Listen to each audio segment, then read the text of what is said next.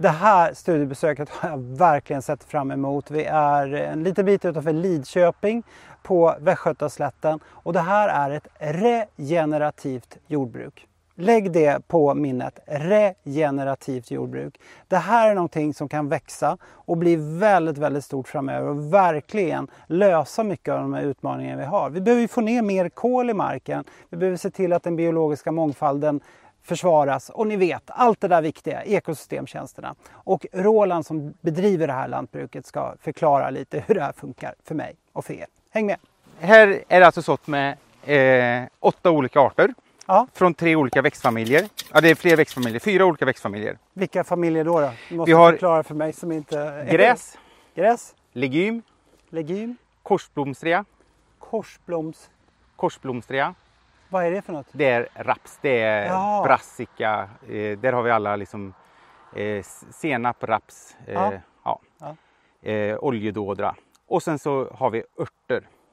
Så eh, här finns det bovete, havre, ärta, vicker. Eh, här har vi honungsört. Eh, vi har klöver. Både blodklöver, vitklöver och eh, persiklöver. Och syftet, tanken med detta då, det är att när man får en mångfald, det är att varje växtfamilj har eh, sin mikroflora. Och genom att få in de här fyra olika växtfamiljerna i marken så får vi alltså en, en rik eh, diversitet med mikroliv. Odlar vi en gröda så får vi bara den grödans mikroliv. Men här har vi alltså fått en, ett mikroliv från fyra växtfamiljer. Så det här gör man alltså främst för att få jorden att må bättre? Ja, tanken är, tanken är att, att eh, tron är att ju, ju rikare mångfald vi har, desto bättre mår jorden. Mm.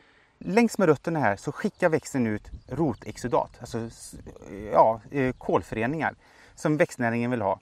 Men gör växten det gratis tror du? Vad är, vad är det, Nej, där blir ju ett byte. ja, och vad är, vad är det växten vill ha då? De näringsämnen som ska finnas i en levande välmående jord. Ja, det här, den här handelsplatsen, det tror jag, det är min uppgift som lantbrukare. Jag ska Just det. skapa en så bra handel som möjligt. Men hur de tradar med varandra, eh, om en kolmolekyl är värd eh, fyra, eh, det skiter jag i. Men här måste ju handeln fungera. Och hur skapar jag en bra handelsplats? Och då är alltså en tanke om vi nu skapar växter med en gräs, en legum, en korsblomstrig och lite örter. Då får vi en, en handelsplats, en torghandel som, som är rätt, liksom, eh, det finns rätt många handelspartner Ja, den. den är levande. Ja. Och Det då är, finns mycket mångfald där. precis. Och då, då tror man att då, måste, då borde ju antalet affärer, business öka. Och ju starkare handel, desto mer transporter, desto högre vinster. Och det är ju precis som i nationalekonomi. Ju mer affärer vi gör i samhället, desto rikare blir alla. Utan att det sker på kostnad på naturen. Mm. Men ju mer vi suger ut någonting, desto fattigare blir det. Ja. Och, det och, och det är heller ingen gödsel eh, på den här. Nej. Utan den enda gödseln som är det är det gröna materialet från Timotejen som vi sprutade med mjölksyrebakterier. Och sen så har det fått ombildas till Ja, det är, det är syrat gräs, som, som, fermenterat gräs. Mjölksyre. Men, men det där är en grej som jag, jag har hört det här men jag har inte riktigt förstått. Det, all den mjölksyran då, Ja, det måste bli stora mängder. det är en centiliter per kvadratmeter. Man kan säga att Okej. vi, vi, vi, gör en, vi gör en jättestor bokashi. Ja. Eh, det, det är vad vi vill åstadkomma på fältnivå. Vi, Kommer ni ihåg det att vi pratade bokashi hemma hos Stefan Sundström? Då var den liten. Nu pratar vi stor. ja, nu pratar vi... Ja, här är 40 hektar, men Ja. vi, pratar, vi pratar 500 hektar bokashi. Ja. Men hur länge har du bedrivit det, det regenerativa här då? Tankarna om regenerativt lantbruk det kom till mig 2018 och det, det tog först ett år att bara smälta det. Eh, sen så har det tagit två år att liksom börja fundera på hur det ska implementeras. Så detta är egentligen första året som vi gör det i, i stor skala. Så jag, jag har ingen stor erfarenhet. Eh, eh, Men det, som jag har förstått det, det är egentligen ingen i Sverige som har stor erfarenhet av det här än. nej, och, men samtidigt det finns fler än vad man tror som håller på. Eh, Har ni något nätverk med varandra och utbyter Ja, det erfarenheter? finns det. Det finns, det. Det, det finns svensk kolinlagring eh, med några pilotgårdar, jättebra.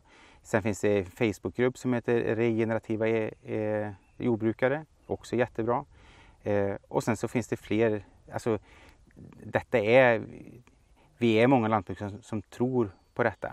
Det enskilt mest fascinerande med det här, det är faktiskt att den här jorden, trots att det varit torrt så länge, det finns inga sprickor här. Det är ju trots allt en lerjord. Så att någonting märkligt och tror jag fantastiskt har Roland gjort där och eh, förhoppningsvis blir det mer av det framöver. Jo, så här. Den här gården då. Eh, vi har höns, vi har får och vi har växtodling. Eh, och det som betalar, det som har högst värde, det är ju det som, den, de fröna som kan bli utsäde. Det, det har det högsta värdet. Sen så kommer människan. Det som kan gå bli humankonsumtion, eh, det betalar vi bra för. Och det eh, som betalas näst bäst, det är foder och det sämsta är ju energi. Men allting kan inte bli utsäde. Allting kan inte gå till oss människor utan eh, vi får mycket som, som, ja, Det blir re- restprodukter. precis, som passar jättebra till våra husdjur. Ah. Och till husdjur kan man räkna höns. ja, höns, får, eh, grisar eh, och kor. Ja. Så här kör vi ner eh, eh, fo- foder, eller ja, inte här, ja. Vi kör ner foder ner till våra höns. Eh, de äter eh, vete, havre och raps och proteinfoder. Och det som inte blir ägg blir gödsel och den gödseln kör vi tillbaka. Och så blandar vi den gödseln med fårgödsel som är kolrik och hönsgödseln är kväverik och så gifter de sig med varandra. Jag törs inte tänka på hur många får det måste vara som har producerat det här. Och under hur lång tid. Men, Nej, men det men nu luktar det faktiskt mindre. Måste jag lov att säga. Ja, men jag tycker... ah, det, det, det här luktar ammoniak. Eh, Ja, Det gör det. Ja. Tanken är i alla fall att det inte ska göra detta. Men detta är bara blandat ammoniak. Eller hönsgödsel och fårgödsel. För då får man en blandning mellan Kol och kväve. och kol och kväve och då ska det i princip bli luktfritt. Mm. Och skulle vi nu göra så att vi blandar de här två eh, med biokol så här.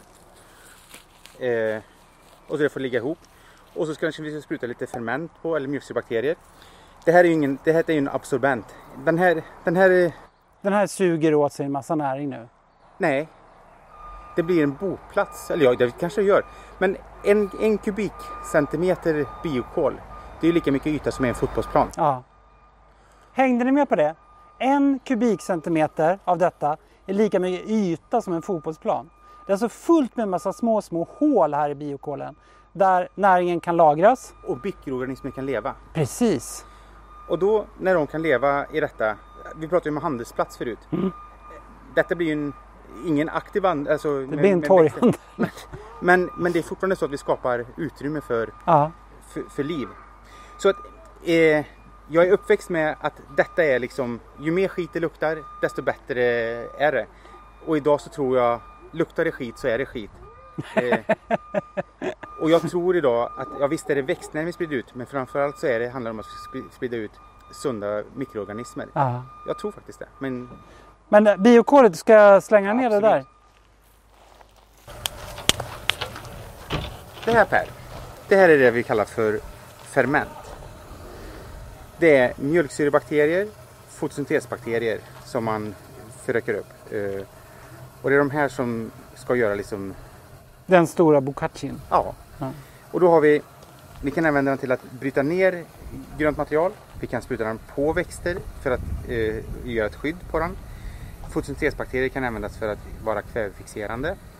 Och det, det räcker väldigt långt. Du sa förut hur mycket det behövdes. N- När vi, när vi, alltså det här, mjölksyrebakterier finns på gräs. Eh, så skulle jag ta, eh, göra lite hö, lägga det i vatten så fylls vattnet med mjölksyrebakterier och de skulle kunna uppformeras. Så nu har jag använt en stamkultur men jag skulle i princip kunna plocka in gårdens örter och göra en egen stamkultur. Mm.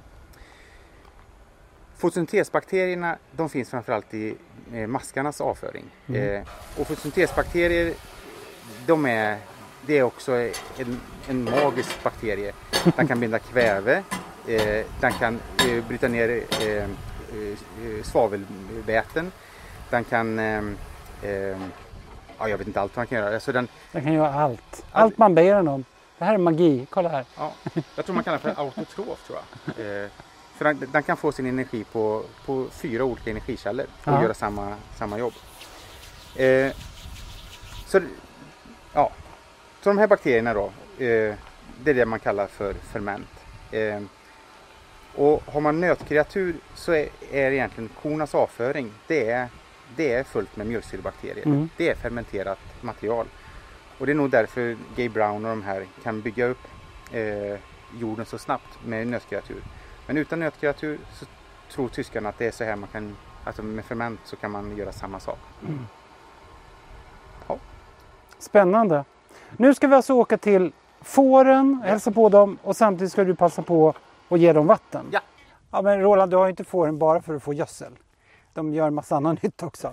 Ja, ja det kan jag säga. Jag, jag, har, jag, jag har dem faktiskt inte, ja, nej, det är inte för gödseln. Nej. Nej, eh, fåren har jag Först, faktiskt, hur många har du egentligen? Det är inte så många. Nej men det är 100. 130 tror jag att det är. Ja.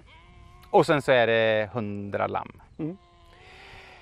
Eh, jo, jag får den här för att återigen de här ekosystemtjänsterna, det är de jag är ute efter. Eh, man kan få fåren att äta ogräsen. Eh, och varför vet jag inte, men det verkar vara så här. Här har de nu gått i två veckor. Det är inte idealiskt. De har trampat ner eh, klövern. ja, men klövern kommer resa sig upp sen. Den kommer resa på sig, Ja. eh, absolut. Det, det ser vi ju in till här. Eh, den kommer resa sig bara på någon, eh, så fort fåren är borta så kommer den Ja. resa på sig. Men om vi jämför där fåren nu har gått i fem dagar kontra det de är utanför. Just så det. ser vi att eh, Baldersbron och de andra, de är liksom utplockade. Medan klövern och klöverblommorna, de är kvar. Eh, Hur kommer det sig då? Det kan inte vara som så att de är... Klövern borde vara god också. Ja, jag vet faktiskt inte. Eh, jag tror att det är så här att eh, fåren vill ha socker eh, och då äter de de grödorna som har högst sockerhalt. Eh, och då tycks det vara så att ogräsen har högre sockerhalt än, än klövern. De är lite sockermissbrukare. alltså. Ja, lite sugarkickers. Sockerkickare. Vägtisten är lite för svår men åkertistel och det här, det är liksom och balderspån. Balderspån är ju en favorit. Maskros, den, eh, den är ju liksom det är Rolls Roycen. Och klövern här som sagt den kommer ju resa sig upp sen. Ja, konstigt nog så är det faktiskt precis det den gör. Wow. Naturen är ju fantastisk. Ja, Om vi bara hjälper den lite på traven. ja. Med hjälp av lite kompisar. Då måste jag ju ställa den frågan till dig. Vad tycker du att jag ska göra då? Som trots allt sitter i jordbruksutskottet i EU-parlamentet och delvis jobbar med just de här frågorna. Vad, vad är det viktigaste stödet du skulle vilja ha? Jag, jag ser det så här att eh, samhället i form av EU eller, eller stat ska subventionera lantbruket för de miljönyttorna vi kan göra åt samhället. Eh, människan klarar sig inte utan ren luft och rent vatten. Eh, och vi måste ha en hållbar livsmedelsproduktion. Eh, det är samhällets intressen. Eh, och vet vi att det finns eh, redskap, saker som gör att, att vi kan upprätthålla ren, rent vatten och ren luft, då tycker jag att samhället ska gå in och subventionera detta. Och det troliga är att alltså, det som är hållbart, det är det som över tid är mest ekonomiskt lönsamt. Alltså, eh, men Det är många som inte tänker på det. nej, Man tror att det finns en motsättning mellan ekologi och ekonomi. Men det är precis som du säger, i långa loppet så är det samma sak. det är samma sak. Men som i år när jag har testat nya metoder eh, och får en låg skörd, det blir, det blir kostsamt. Ja. Eh, men det är klart att, det, att jag hade inte gjort det om jag inte tror att jag kommer få en ekonomisk fördel av det. Eh, eh, men sen så är man ju alltid naiv och tror att man ska få den ekonomiska fördelen mycket snabbare. Mm. Nej, men så det tycker jag. Alltså, om vi kan hitta saker, om samhället kan identifiera att är det värt att jag håller ma- marken grön året runt? Är det värt någonting? Eh, tror vi att det ger eh, mindre eh, erosion och alltså därmed mindre eh, jord i våra vattendrag. Om, om samhället tycker att det är värt någonting, ja då tycker jag att det är värt en peng. Eh, vill vi inte ha bekämpningsmedel i grundvatten, om, det, om vi tror att det kommer från lantbruket eh, och vi kan minska det, eh, då, då tycker jag att lantbruket ska bekosta sådana åtgärder. Om vi inte vill ha någon övergödning, alltså vi vill ha en bättre kväveeffektivitet. Om, om samhället tycker att det är värt att inte ha någon övergödning, ja då tycker jag att vi ska subventionera. Och det handlar ju om att vi måste lösa problemet, hitta maskiner, arbetssätt. Eh, och det kostar. Mm. Eh, men återigen, det handlar inte om att vi ska ha pengar i 50 år. Det tror jag inte. Men jag måste ändå säga som ekologisk bonde att det ekostödet som, som vi har fått med 1500 kronor per hektar. Det har gjort att vi under de sista 10-15 åren har fått jättemånga nya eh, maskiner som underlättar vår eh, vardag. Och de hade aldrig kommit om inte vi hade fått ett långsiktigt stöd. Mm. En sån här viktig ekosystemtjänst som man kommer prata väldigt mycket om det här årtiondet det är ju kolinlagringen i marken. Mm. Och om man jämför med de här högteknologiska lösningarna som eh, vissa drömmer om att vi skulle kunna skapa i framtiden som är jätte, jätte, jättedyra så skulle det ju rent ekonomiskt antagligen vara mycket mer lönsamt att utveckla metoder inom jordbruk och skogsbruk för att få ner mer och mer kol. Men ur ditt perspektiv, vad är det egentligen för extra kostnader som i sådana fall skulle behöva täckas? Jag, jag tänker så här att om man ger en morot. Vi säger att den som inte vill använda en plog eller den som vill ha marken grön året runt eller den som inte vill använda så mycket gödsel. Eh, man kan få, vi, vi leker med tanken, 1000 kronor för att du inte gödslar mer än 60 kilo kväve per år. 1000 kronor för att du inte använder plog. 1000 kronor för att du håller marken grön. Eh, 1000 kronor för att du inte använder växtskyddsmedel. Eh, om man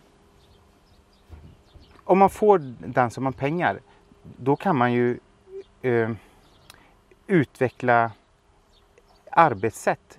Alltså, jag vet inte hur jag ska uttrycka alltså, eh, Att få en, en, ersättning för att ta bort effektiva verktyg eh, så får man en ekonomisk ersättning. Men det gör att man vågar ta risken att överge det som är gammalt och beprövat för att lära sig någonting nytt, för man får en ersättning.